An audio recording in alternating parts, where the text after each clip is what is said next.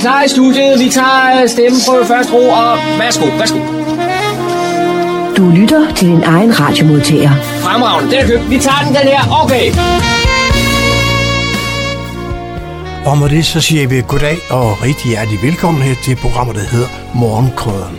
Mit navn er Kurt Kammersgaard, og de næste to timer skal jeg forsøge at guide jer igennem de indslag, som vi nu har lavet. Nu siger jeg vi, det er faktisk John, der har lavet de øh, her indslag, vi har her i dag. Ikke også med det. Øh, jeg har så sat dem sammen. Øh, vi skal også som altid lige uh, fortælle lidt om, hvad det er, vi har med. Vi skal, det første indslag, vi skal have, det var fordi, at øh, John han var med til en ældre gudstjeneste nede i Egedal Kirke her torsdag eftermiddag. Efter, efter gudstjenesten og kaffebordet, så var underholdningen, det var All Stars Godby kor fra Hillerød. Og de var ikke bare nogle almindelige kor på den måde, de var faktisk næsten 50, har jeg ladet mig fortælle. Dem skal vi høre lidt om her i løbet af formiddagen. Så skal vi til øh, noget, øh, en forening, der hedder Flygtningevenner. Det er, de holdt en besøg her forleden aften nede på Fredvilja nede i Fredensborg her, ja, forleden aften. De har nu valgt at efter godt fire år at opløse foreningen med udgangen på 2019. Hvad, Hvorfor og hvordan og hvorledes hører vi mere om i optagelsen, som John har lavet. John har også haft en snak med Per Frost Henriksen, og han er blevet formand i den nye FGU Øresund. Ah, det er et samarbejde med Helsingør, Hørsholm og, og Fredensborg Kommune. Vi skal høre, hvad det er, der går ud på, og hvad målgruppen er for, ah, for det der FGU Øresund. Hører vi også her sidst i udsendelsen. Og til allersidst i udsendelsen, ja, det, er jo, det løber, løber jo ingen steder, kan man sige, hvor vi skulle faktisk have haft det bragt, for her for cirka tre uger siden, der var det øh, kulturens dag, og det blev blandt, blandt andet markeret op i en ny hus op øh, i, på Kongevejen i Esbjerg. Så Marco var også deroppe og fik en snak med, med de mange deltagere deroppe fra, og det skal vi høre her sidst i udsendelsen. Velkommen til. Rigtig god fornøjelse her i, selskab med programmet, der hedder Morgenkrøden.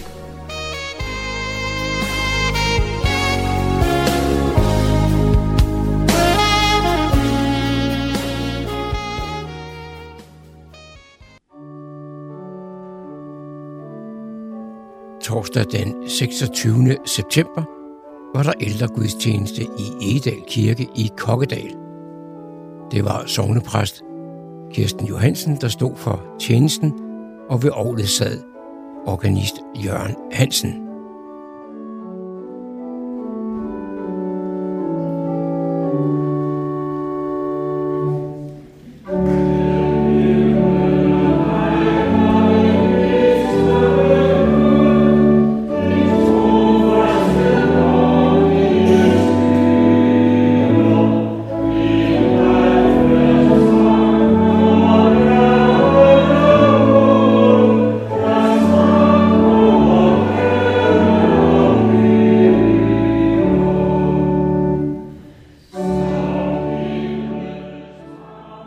Tjenesten var der kaffebord, og derefter underholdt All Stars Gospelkor fra Hillerød. Koret bliver ledet af dirigent Sara Broberg Jønsson, og ved keyboardet sidder Anders Mortensen.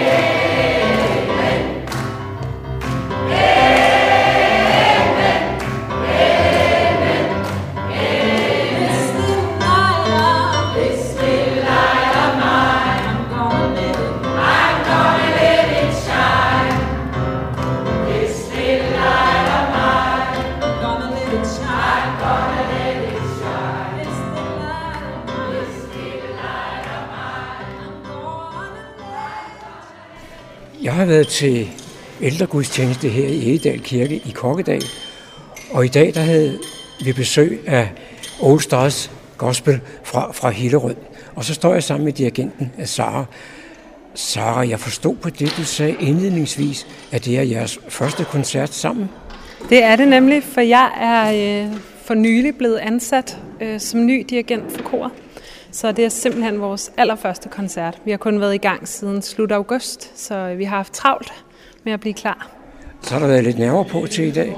En lille smule sommerfugl vil jeg kalde det. det. øh, Det synes jeg, det har man lidt altid, men jeg har især haft i dag, fordi det også var min første koncert med koret, og vi har jo brugt tiden på at lære hinanden at kende, og vi har haft ganske få korøvelser op til den her koncert, så Hvad er din fornemmelse så? Gik det, som det skulle i dag? det synes jeg, det gjorde. Faktisk ud over al forventning. Jeg synes, det gik rigtig godt, og det var et rigtig sødt publikum, og koret gjorde det bare stjernegodt, så jeg er meget glad. Nu taler du om publikum. Du, du magter at få publikum til at være med. Det gør jeg. Jeg elsker at få publikum med. Jeg vil sige, det er ikke altid, jeg selv bryder mig så meget om, når jeg selv er til en koncert, selv at skulle synge. Jeg kan selv godt lide bare at lytte, men øh, jeg kan selv godt lide at engagere publikum, hvis man kan sige det sådan. Så øh, jeg synes, det giver en fed stemning. Øh, også fordi, at det er jo ikke det er jo ikke alle mennesker, der sådan synger på daglig basis, så man kan godt mærke, at når de så kommer til en koncert og lige får sunget lidt, så gør det et eller andet. Det gør den glade. Men det repertoire, der er her i gospelmusikken, det lægger jo også op til, at publikum skal være med. Ja, det gør det nemlig. Så man kan næsten ikke undgå det. Det kan man ikke.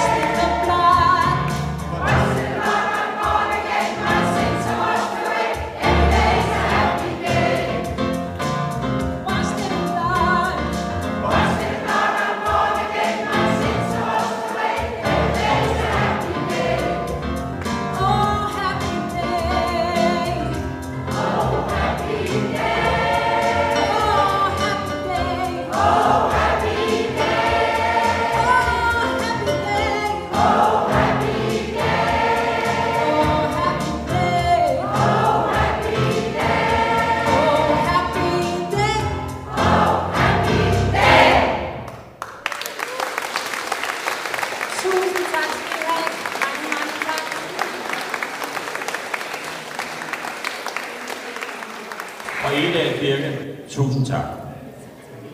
Lad os klappe dem ud.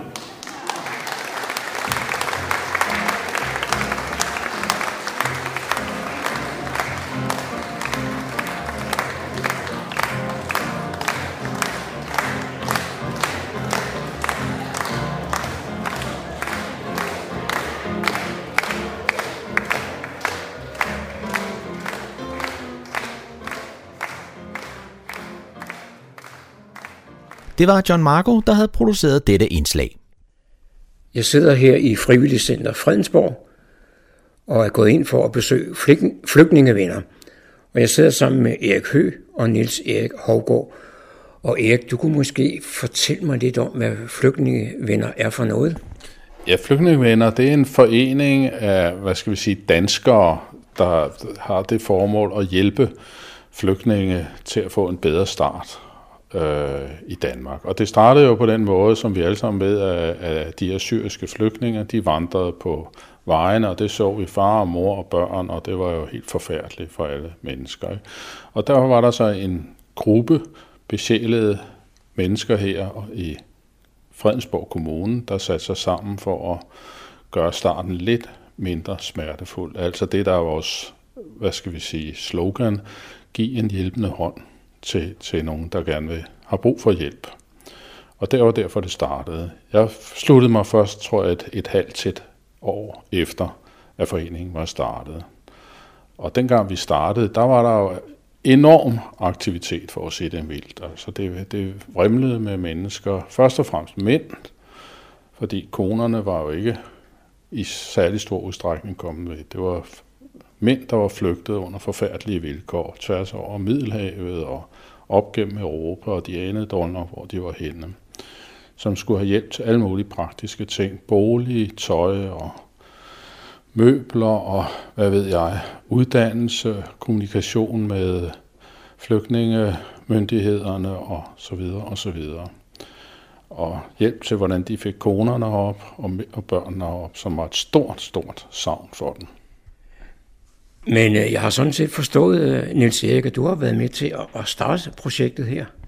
Jamen, det er rigtigt. Altså, jeg koblede mig på lidt tidligere end Erik og var øh, eller kontaktede øh, frivilligcenteret rent faktisk dengang per e-mail i december 2014.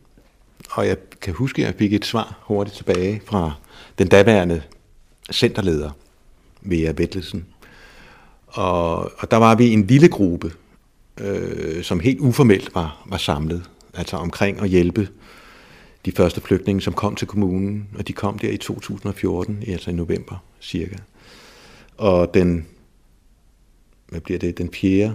marts 2015, der er foreningen etableret. Og så er det, som Erik siger, at, at, at det bliver et rush, altså i løbet af 2015, der specielt efteråret, efter de gik på motorvejene. Og det var ikke kun flygtninge, altså det, vi kunne mærke det som organisation også, at alle de frivillige, altså der var et boost på frivillig siden. Altså folk væltede ind her og sagde, her er jeg, hvad kan jeg gøre? Hvad kan jeg hjælpe med? Ikke? Øh, og så, så det var faktisk ret kaotisk lige i starten. Jeg forstod, at der var rigtig mange interesserede i starten. Hvor mange er med i foreningen nu?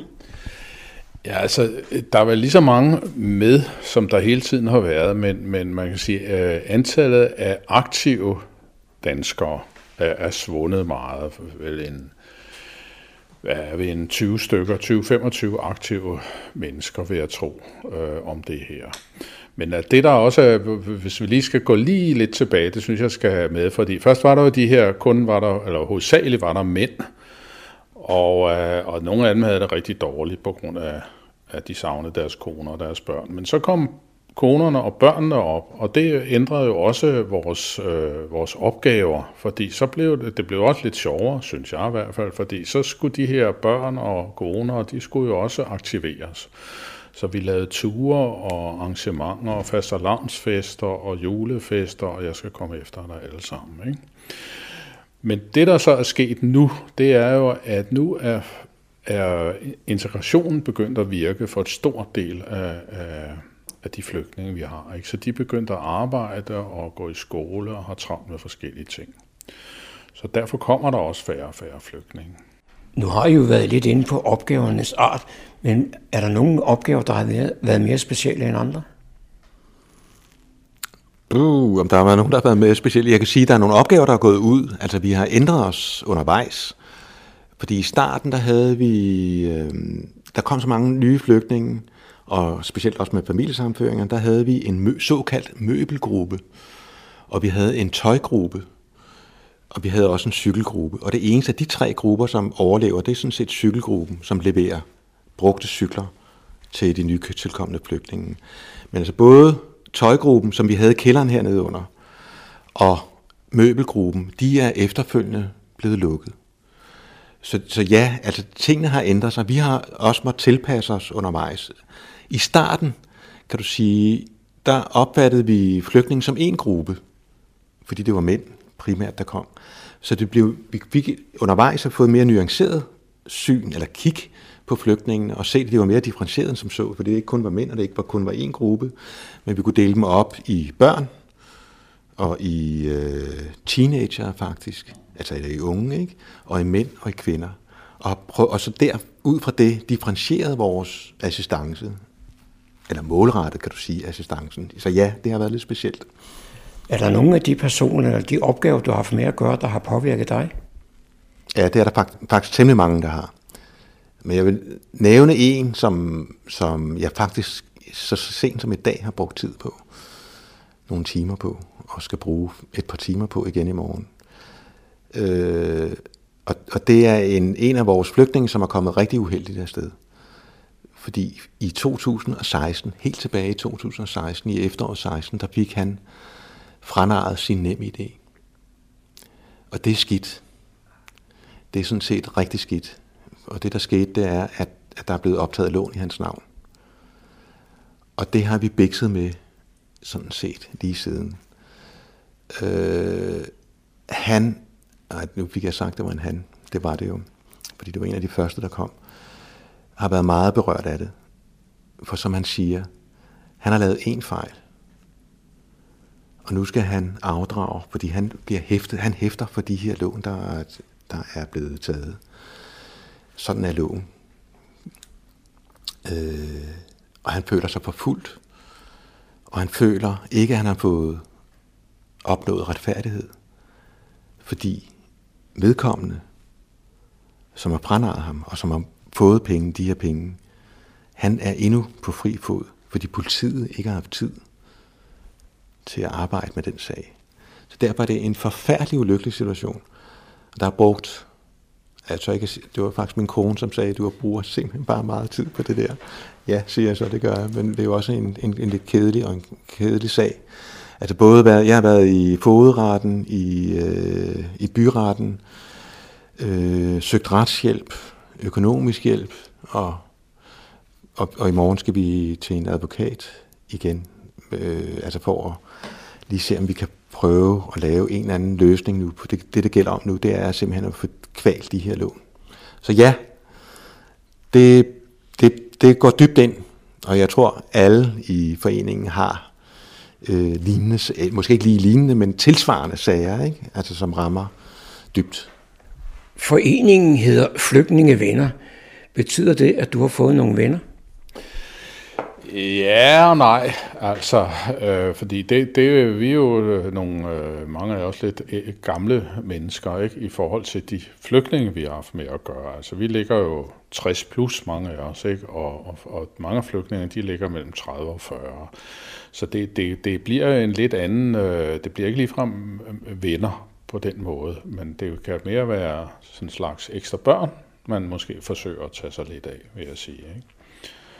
Men der er jo nogle steder i, i, i verden, hvor man ser lidt op til ældre personer. Ja, ja, men det, jeg tror da også, vi bliver opfattet lidt som autoriteter, og jeg tror da, at de har været utrolig glade for netop, øh, specielt i starten, hvor vi måtte hjælpe dem meget med alverdens dokumenter og papirer og for at forstå det. Og det har også været ret svært, vil jeg sige, at trænge ind i, i uh, lovparagrafer og beskrivelser af det ene og det andet for os. Så. Ja, så vil jeg sige, altså når nu jeg lige var inde på det der med, med indviklede dokumenter og papirer og sådan noget, og der, synes, der synes jeg, jeg vil sige, at vores kommune skal have ros. Øh, vi, har, vi har haft et rigtig godt samarbejde øh, med, med integrationsteamet i, i Fredensborg Kommune. De har været lydhør, og vi har kunne tage sådan generelle ting, ikke diskutere personer, men generelle problemer op og, og få lidt pingpong med dem. Og jeg tror også, de har haft glæde af samarbejdet med os, fordi vi har måske kunne sige nogle ting til flygtninge, som de ikke kan sige. Det tror jeg har været en, en fordel for alle parter. Grunden til, at jeg har opsøgt jer, det er jo, at øh, jeg har hørt, at I nu vil til at, at lukke for flygtningevenner. Jamen, det er korrekt. Flygtningemænd af Fredensborg stopper med udgangen af øh, 2019. Men rolig på. En ny forening er på vej. Den hedder Integrationscaféen. Den har en målgruppe, som er større end flygtningemændernes. Flygtningemændene havde en målgruppe, som hedder nytilkom, som hed og hedder nytilkommende flygtninge. Hvorimod Integrationscaféen ikke kun kigger på nytilkommende flygtninge, men også på øh, migranter, altså udlændinge, som har været i landet i flere år, og flere end fra 2014. Så derfor er det rigtigt, at flygtningemænder stopper, men du kan også sige, at flygtningevenner Fredensborg transformerer sig til integrationscaféen, og i den forstand fortsætter med fornyet energi og med øh, ny formand øh, og med en større målgruppe, men med mange af det samme indhold. Meget af det samme indhold, som øh, flygtningemænderne også havde som basis. Ikke? Og så jer, der sidder her i aften til bestyrelsesmøde, fortsætter I i den nye forening? Jeg fortsætter som menig medlem i den nye forening, men ikke, så, ikke i bestyrelsen. Jeg fortsætter i øh, den nye bestyrelse, og jeg kan, vil være, eller er valgt som kasserer øh, i, i bestyrelsen. Ja. Der må være en årsag til, at man lukker for flygtningevenner. Jamen det er korrekt. Altså dels har vores arbejde båret frugt. Øh, det vil sige, at altså, der er en integration i gang. Mange af flygtninge har fået job og fået sådan en mere normaliseret tilværelse. Og dermed kommer ikke her. Og derudover, så er der sket det, at antallet af nytilkommende flygtninge, det er jo faldet drastisk over årene. Altså fra i starten, eller hvor der kom flest, med over 80 nytilkommende, plus de tilhørende familiesamføringer, er der i 2019 budgetteret med fem nye øh, flygtninge til kommunen. Altså jeg taler kun om dem, som er kommet til Fredensborg Kommune. Og det har vi jo kunne se på vores øh, åben hus arrangement her om mandagen, at der kommer færre af de årsager, som jeg har nævnt her. Og det er det, der har været med til at sige mission completed på den eksisterende flygtningevenner. Det, at der ikke kommer så mange her i, øh, i flygtningevenner, det kunne jo tyde på, at, at folk er integreret, men det kunne jo også tyde på, at der måske sidder nogen derhjemme og er helt alene. Jamen, det kan du have 100% ret i. Øh, jeg tror, mange af dem, som er blevet integreret, som har job, de føler ikke, eller de kommer her ikke i samme grad. Men nu har vi lige haft en tur for eksempel til Bonbonland, hvor vi sendte, hvad var det, 75, 70-75 flygtninge afsted. Så de kommer, når der er noget specielt. Og derudover vil jeg også sige, at vi ret tidligt lavede vi en øh, såkaldt kontaktpersonordning, som fungerer på den måde, at alle de flygtninge, som kom, fik en flygtningeven som kontaktperson. Og meget fungerer øh, bilateralt, om jeg så må sige, altså udenom foreningen, hvor de ikke kommer her til det her åben hus, men kan fungere mellem det, øh, den kontakt, der blev etableret på daværende tidspunkt. Altså for mit eget vedkommende har jeg en tre flygtninge, som jeg hjælper, som vi stort set ikke ser hernede, altså i, om, om mandagen. Men de er der jo alligevel. Det var John Marco, der havde produceret dette indslag. Jeg sidder her sammen med Per Frost Henriksen, der netop er blevet formand for det, der hedder den forberedende grunduddannelse. Og øh, Per, hvad er det for noget?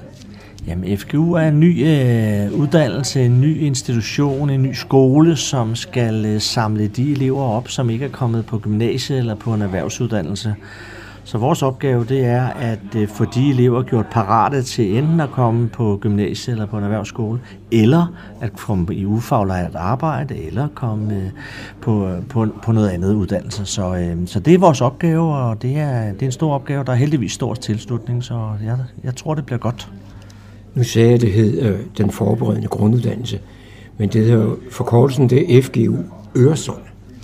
Ja, altså alt er jo forkortelser nu om dagen, så øh, FGU Øresund hedder det, og det er tre kommuner, det er Hørsholm, det er Fredensborg og det er Helsingør, der er gået sammen, og sådan er det i hele landet, at det er blevet lavet i klynger, og vi har de tre kommuner, der har et samarbejde.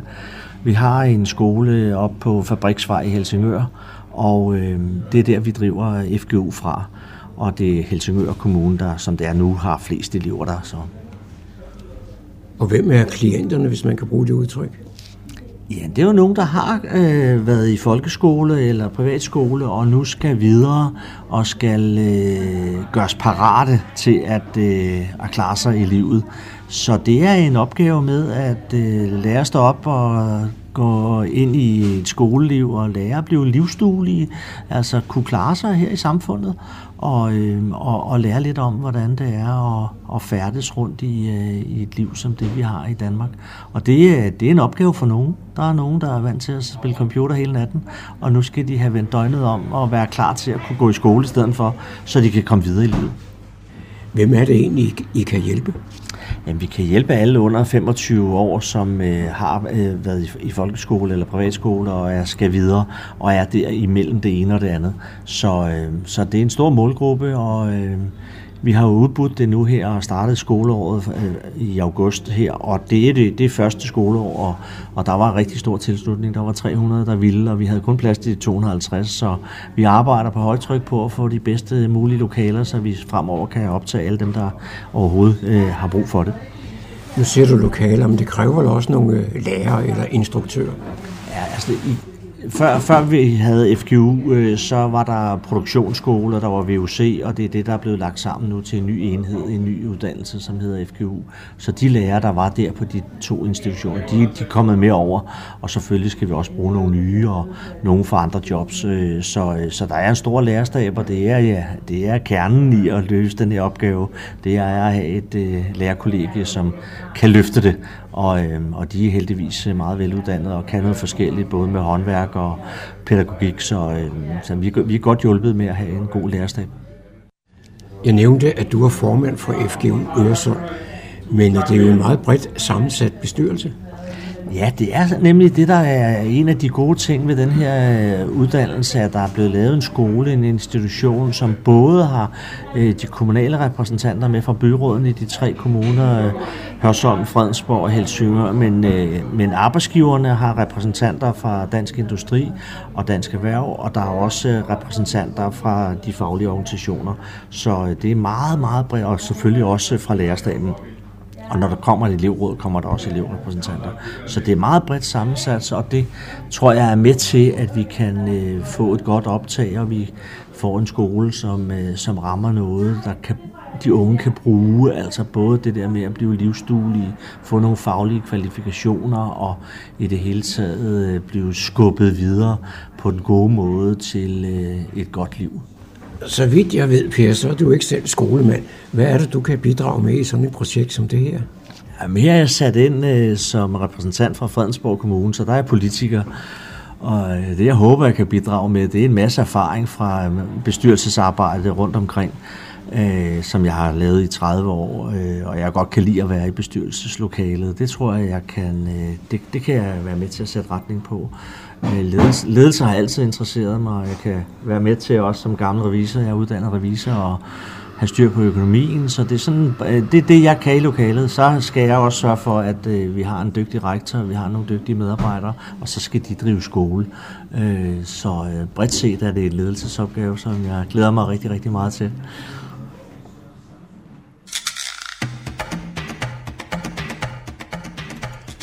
Harald Humleborg, så hvis du vil høre mere om... Hvis og hvis og hvis.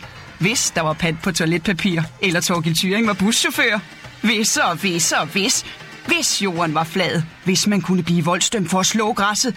Eller køerne i Bilka kunne malkes. Hvis og hvis og hvis. Nå ja, bare stil ind på 104,3 MHz.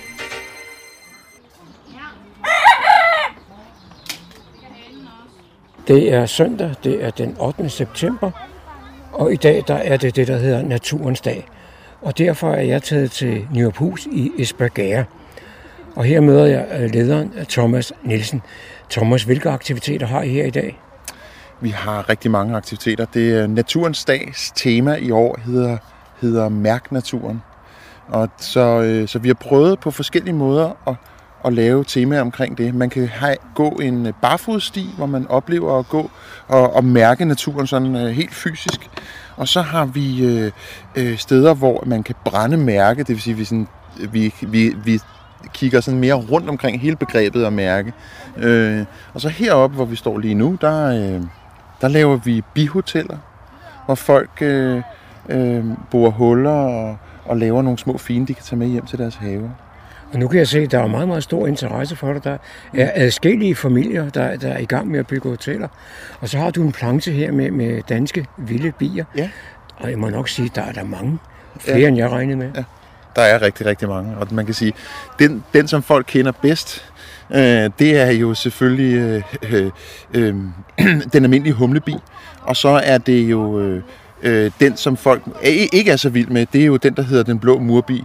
Det er det, man finder i murværket øh, på huse og sådan noget. Så der er den gode og den onde, kan man sige her. Men, men i virkeligheden er det jo nogle fantastiske dyr i forhold til hele vores, vores verden og vores natur. Men nu har du lige forklaret en familie her, at hvis de bor hullerne sådan og sådan og hænger den op hjemme i et træ i, i, mod syd, øh, så er der nogen, der kan få glæde af det. Kan det også foregå i en ganske almindelig villahave? Ja, det er her. Det her er til en ganske almindelig villahave. Og det, det handler om, det er jo, vores huse er blevet så tætte, så tætte, så der er ikke de overvintringsmuligheder længere. Øh, vores udhuse er hermetisk lukket osv. Så, videre, så, videre. så det, det egentlig handler om, det er bare at skabe nogle opholdssteder. Og gerne steder, hvor der er tørt og lunt. Fordi øh, øh, modsat mange andre insekter, så øh, bryder de her sig ikke om at, at bo i øh, fugtige kompostbunker og sådan noget. Hvor de øh, bliver forkølet og får lungebetændelse og dør. Men, men, men den smule viden, jeg har om bier, mm. den går jo på, at bier, det er jo store familier i meget, meget store samfund. De kan da ikke komme ind i sådan en lille hul. Det kan de faktisk sagtens. Det kan de sagtens. Og øh, det, er jo, det er jo langt fra. Det er jo, det, er jo, det er jo ganske, ganske, ganske få, i nogle tilfælde kun dronningen, som øh, skal overvintre til næste år, hvor resten af kolonien jo uddør. Så øh, jo, der, er, der, der kan godt være dem, der skal være, men der er plads til mange, mange, mange flere. Der er også brug for mange, mange flere øh, skjulesteder. Det er også derfor, vi laver de her ting i dag. Så, Så står jeg sammen med Maj-Britt Salhauke. Og Maj-Britt, hvad er det, du vil vise mig her? Jamen, jeg, jeg har fået lavet en barfodssti, som egentlig bare er en øh, masse rammer, trærammer sat sammen, hvor jeg har puttet forskellige naturmaterialer ned i øh, rammerne. Og så kan man prøve med sine bare fødder og mærke, hvordan de forskellige materialer er. Og jeg har gjort det, fordi at øh, jeg oplevede, at der er rigtig mange, måske ikke mindre børn, men lidt større børn, som aldrig tager deres strømper af. De har, de har aldrig bare tær, andet når de skal i bad eller i seng.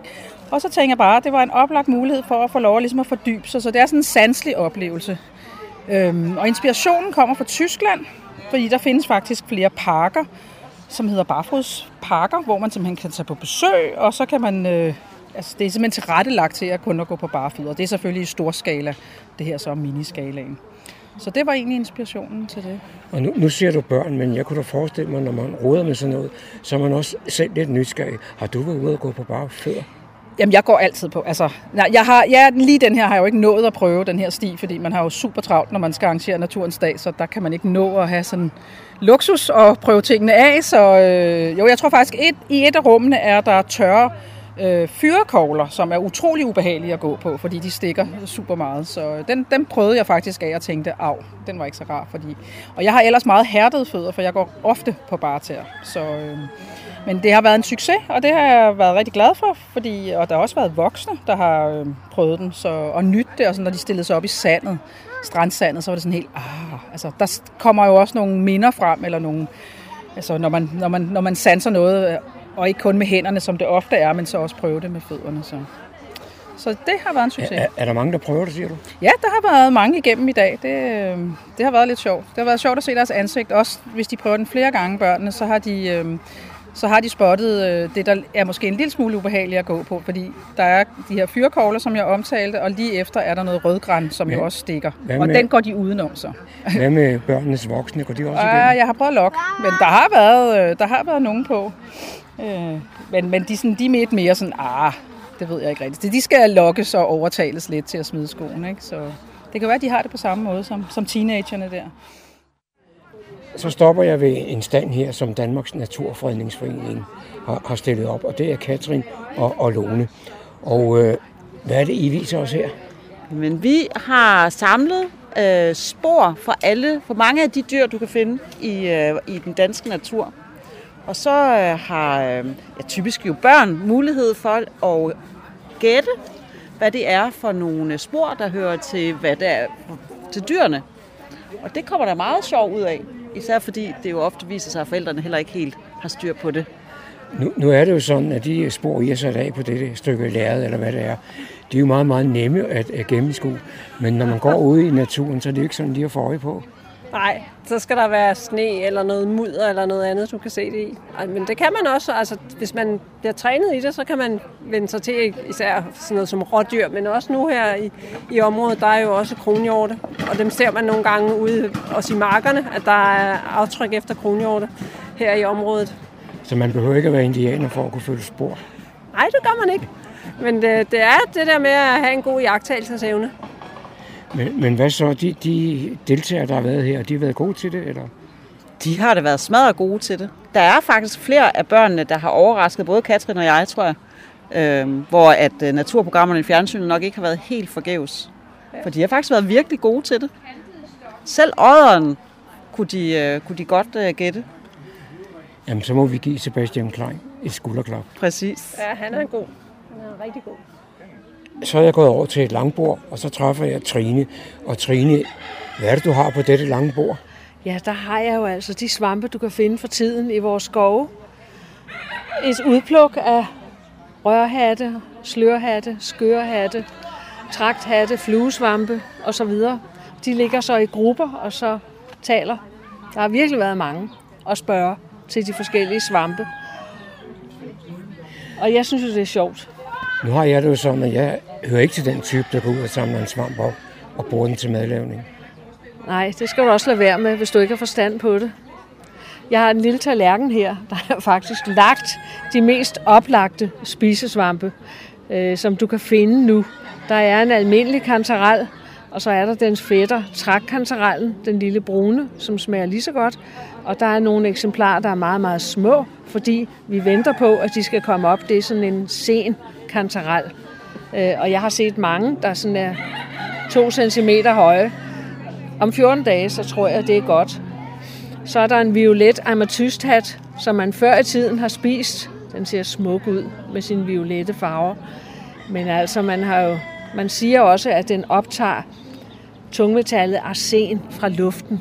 Så du skal nok ikke overdrive med at spise den. Jeg spiser den heller ikke mere.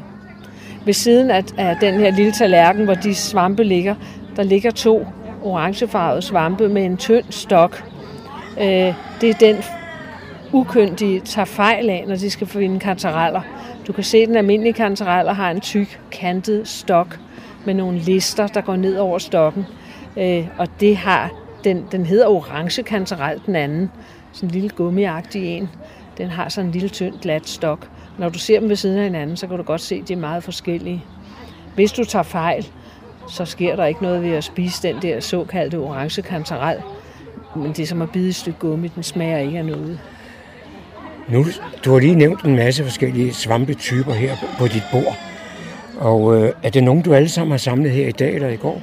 Jeg har samlet en del af dem i morges her i Nyrup Hegn. Men i går var jeg på en tur med Svampeforeningen i Asserbo Plantage. Og der har jeg en del, der har jeg fluesvampene fra, for eksempel. Og dem har jeg så haft liggende i lukkede plastikposer i mit køleskab i nat. Og så er de faktisk fuldkommen friske øh, at lægge frem her. Og så har jeg også på fornemmelsen, at folk, der samler svampe, de er en lille smule hemmelighedsfulde. Det er ikke meget for at sige, hvor de finder dem. Det er rigtigt. Det er rigtigt. Men altså, hvis du taler kantareller, ja, så er der steder, hvor, hvor de kommer igen og igen. Men hvis du taler trækkantareller, de er alle vejen. Det behøver du ikke holde hemmeligt. De er, og, og den gule kantarel er jo også meget heroppe i, i de nordsjællandske magre skove. Der er rigtig mange. Men der er også mange til at plukke dem. Og lige nu der er det højsæson. Ja, altså det har været med kantarellen. Har været højsæson, vil jeg sige. Nu er det nok de sidste, tror jeg. Øh, med hensyn til de der rørhatte, som alle, vi alle sammen gerne vil finde, der er det for 14 dage siden ligesom toppet med Karl Johanner og brunstokket rørhatte. Øh, nu kan jeg kun finde, stort set, i Nåleskov, den der hedder gallerørhat, som altså smager ualmindeligt bitter og grimt. Den er ikke giftig, men en svamp i gryden kan ødelægge det hele. Det er sådan lidt kedeligt at få sådan en med. Og men... så har jeg forstået på dig, øh, inden, inden vi åbnede for optageren her, at øh, det er noget, du har interesseret dig for i rigtig mange år. Ja, det har jeg. Der var et barn, der spurgte, hvordan kan du alle dine navne? Så sagde jeg også, for mange år siden startede jeg med at lære to svampe at kende. Og så har jeg bygget ovenpå, ikke? Hele tiden. Så kommer det lige pludselig. Ja. Og så bliver man god til at bestemme dem til sidst selv. Ja. Så er jeg gået hen til et sted her, hvor der er et, et lille bål, og så træffer jeg Lea. Lea, hvad er det, du har gang i her? Vi brændemærker på træ. Med sådan nogle øh, brændemærker af dyrespor. Øhm, jeg er frivillig heroppe på Nyrup Hus. Og øhm, ja, så har vi sådan nogle hyggelige opgaver en gang imellem som frivillige. Men er der interesse for at lave disse brændemærker? Jeg tror, vi har lavet 100 i dag. så det er der. Eller måske mere. Nu er der nogle steder i verden, hvor man ikke bare sætter et mærke på et stykke træ, men man øh, Ja, men mærker det- på sine kreaturer. Det går vi ikke ind for. Nej. Man har jo i Danmark alle de der, øh, man kan sætte i ørerne og sådan noget. Det er da heller ikke rart, men det er da bedre end at blive brændemærket. Så, ja. Nej, det vil jeg ikke være med til, den slags. Så er jeg gået ud i økohaverne her ved øh, Nørrepus og træffer Helle Tanning. Og Helle, jeg skal love for, at der er frodighed til stede. Det er der, for det har været en dejlig sommer.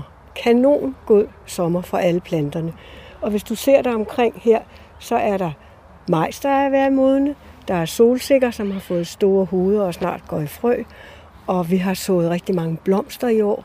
Så rundt omkring i haverne, der kommer der sommerfugle. Og så var jeg lige nede og kigge den anden ende nede i, øh, i øh, vinhaven, øh, eller vinmarken, kan man sige. Og der er gang i den. Ja, der er jo to slags vin øh. Det er en rød drue, der hedder Rondo, og en, en hvid drue, som hedder Solaris. Og der er mange klasser på i år. Og vi får en god høst. Nu har vi så dækket hele vinhaven over med et net, for vi har dårlige erfaringer med, at der kommer fugle i flokke og kan rydde det hele på en nat eller en morgen. Så vi regner med, at vi skal høste en gang i starten af oktober. Og så laver vi vin, og vi får vi er efterhånden ret mange, der, der arbejder i vinhaven, så vi får cirka en 15-20 flasker hver. Så det er jo noget. Ja, det er jo fantastisk på sådan en lille areal. Ja, det er det.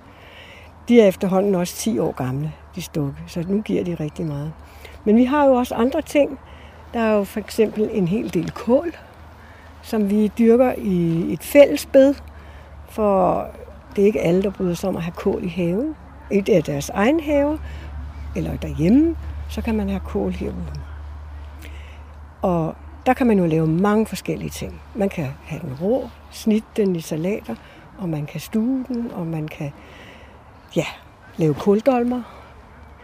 Vi bruger rigtig meget kål efterhånden. Og hvor meget tid bruger du selv herude? Jeg vil tro, at jeg bruger cirka 10 timer om ugen. Og det bliver jo til noget, men jeg har jo ikke hver uge. Men, men det bliver til noget, når man kommer her hele året.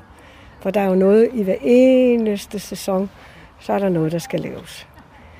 Og til vinter, der beskærer vi jo vinplanterne og beskærer æbletræerne og planter for den sags skyld, fordi det har jo været så milde vintre, så man faktisk kan arbejde i haven, når ikke der er frost i jorden. Så på den måde, så har vi virkelig fået noget ud af det her i, i år. Så træffer jeg Henrik øh, Lieberkind. Og Henrik, du øh, er også med til Naturens Dag her på Nørrepus. Ja, selvfølgelig.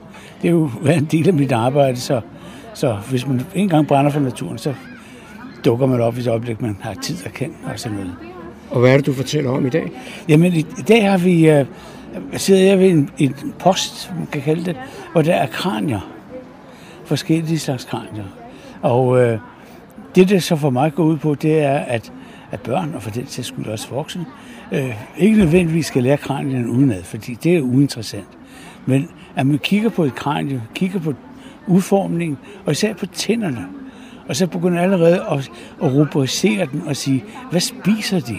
Og når vi så får ud af, hvad de spiser, så kan vi måske gætte os mere til, hvor store de er, og hvordan formen på kraniet ser ud og sådan noget. Så derfor har jeg sat med vilje de to, øh, der har knudertænder. Det er menneskekraniet og grisekraniet. Og så er en, vi snakker om, de der to, selvom de ikke ligner hinanden i kran, så spiser de den samme slags mad. De skal altså have kød og grøntsager. Og lille Peter, der på 6 år står foran og siger, når du får en hakkebøf, får du så ikke også besked på, at du skal spise noget andet? Jo, han skal så spise salat, kartofler, hvad det er. Så kunne du selv se, at vi spiser altså både kød og grøntsager. Så derfor har vi tænder beregnet til det. Så går vi så videre til de to husdyr, som de kender. Der er en kat og en hund, de står ikke ved siden af hinanden. Men begge noget med, at de kan se, at de begge to er rovdyr. Man kan se på tænderne. Og man kan også se, at de tykker deres mad, men, men ikke på samme måde, som de andre gør. De knuser maden. Fordi man kigger på, for eksempel på hundekranke, så vil man finde ud af, at fortænderne, de passer sammen. Det gør vores fortænder i øvrigt ikke, fordi vores fortænder i overmunden rager ud over tænderne i undermunden, fordi vi skal kunne bide med den. Hvorimod tænderne i, på kindbenet på hunden rager ud over i fra overmunden, rager ud over undermunden. Og så siger jeg, prøv at putte en finger ind. Hvis du skulle bide den her finger over, ville det så være et godt sted? Ja, det kunne du se, fordi den vil knække simpelthen over. Så ved at kigge på dyrets tænder, uden at vide, om det er en hund eller hvad det er, så kan man slutte sig hen til, hvad det egentlig er for en slags, slags dyr, og hvad det lever af. Så den sidste, den har, den, på tænderne, der kan man se, at det hører til rovdyrene, fordi den har skæretænder, altså der, hvor den skærer ting i stykker. Men den mangler som hunden og vor, også så mangler den kindtænder til at knuse med. Så den tykker altså ikke sin mad, det kan vi konstatere. Den skærer det i stykker og sluger det helt. Det var sådan en lidt mærkelig måde at spise sin, sin, sin mad på. Øh, og den anden ting, man lægger mærke til, det er, at dens øjenhuler, det vil sige, øjnene, de har været fantastisk store i forhold til kraniet, i forhold til os. Og der kan man så sige, at, øh, at den må leve et sted, hvor der er dårligt lys, øh, og den har brug for at bruge sine øjne. Og hvor er henne er der dårligt lys? Det kan vi ud. Det, det er der nede i vand, fordi jo længere ned du kommer, jo dårligere og mindre lys bliver der. Det vil sige, jo større øjne har du brug for.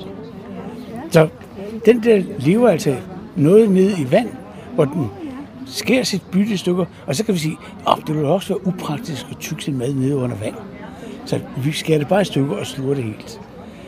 Og så finder frem til, jamen altså, gå ind i zoologisk have i legetøjsafdelingen, og kan købe, der vil du købe garanteret sådan en her. Og du synes, den ser rigtig sød ud, fordi den har de store øjne.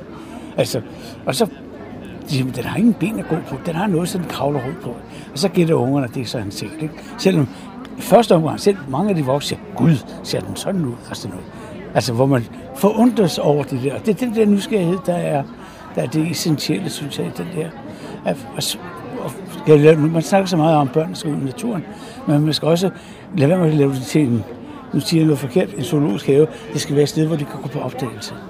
Det skal ikke være sådan et eller andet, hvor man bare kigger på, på buer og sådan noget. Man skal ind og kigge.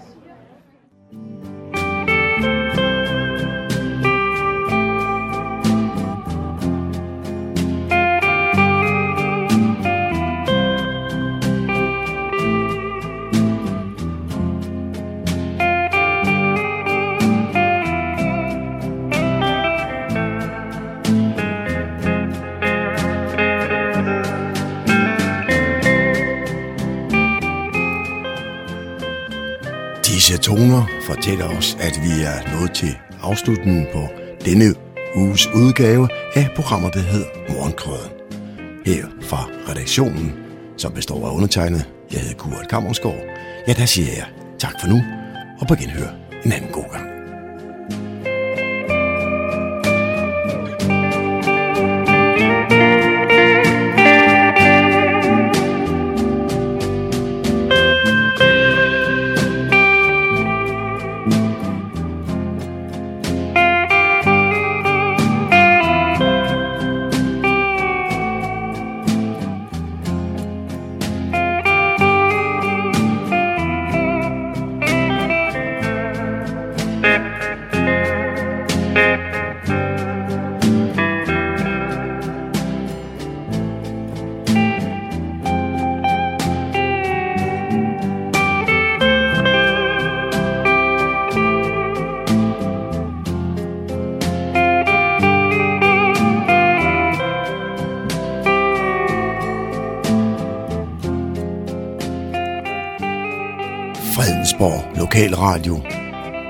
Gamleborg.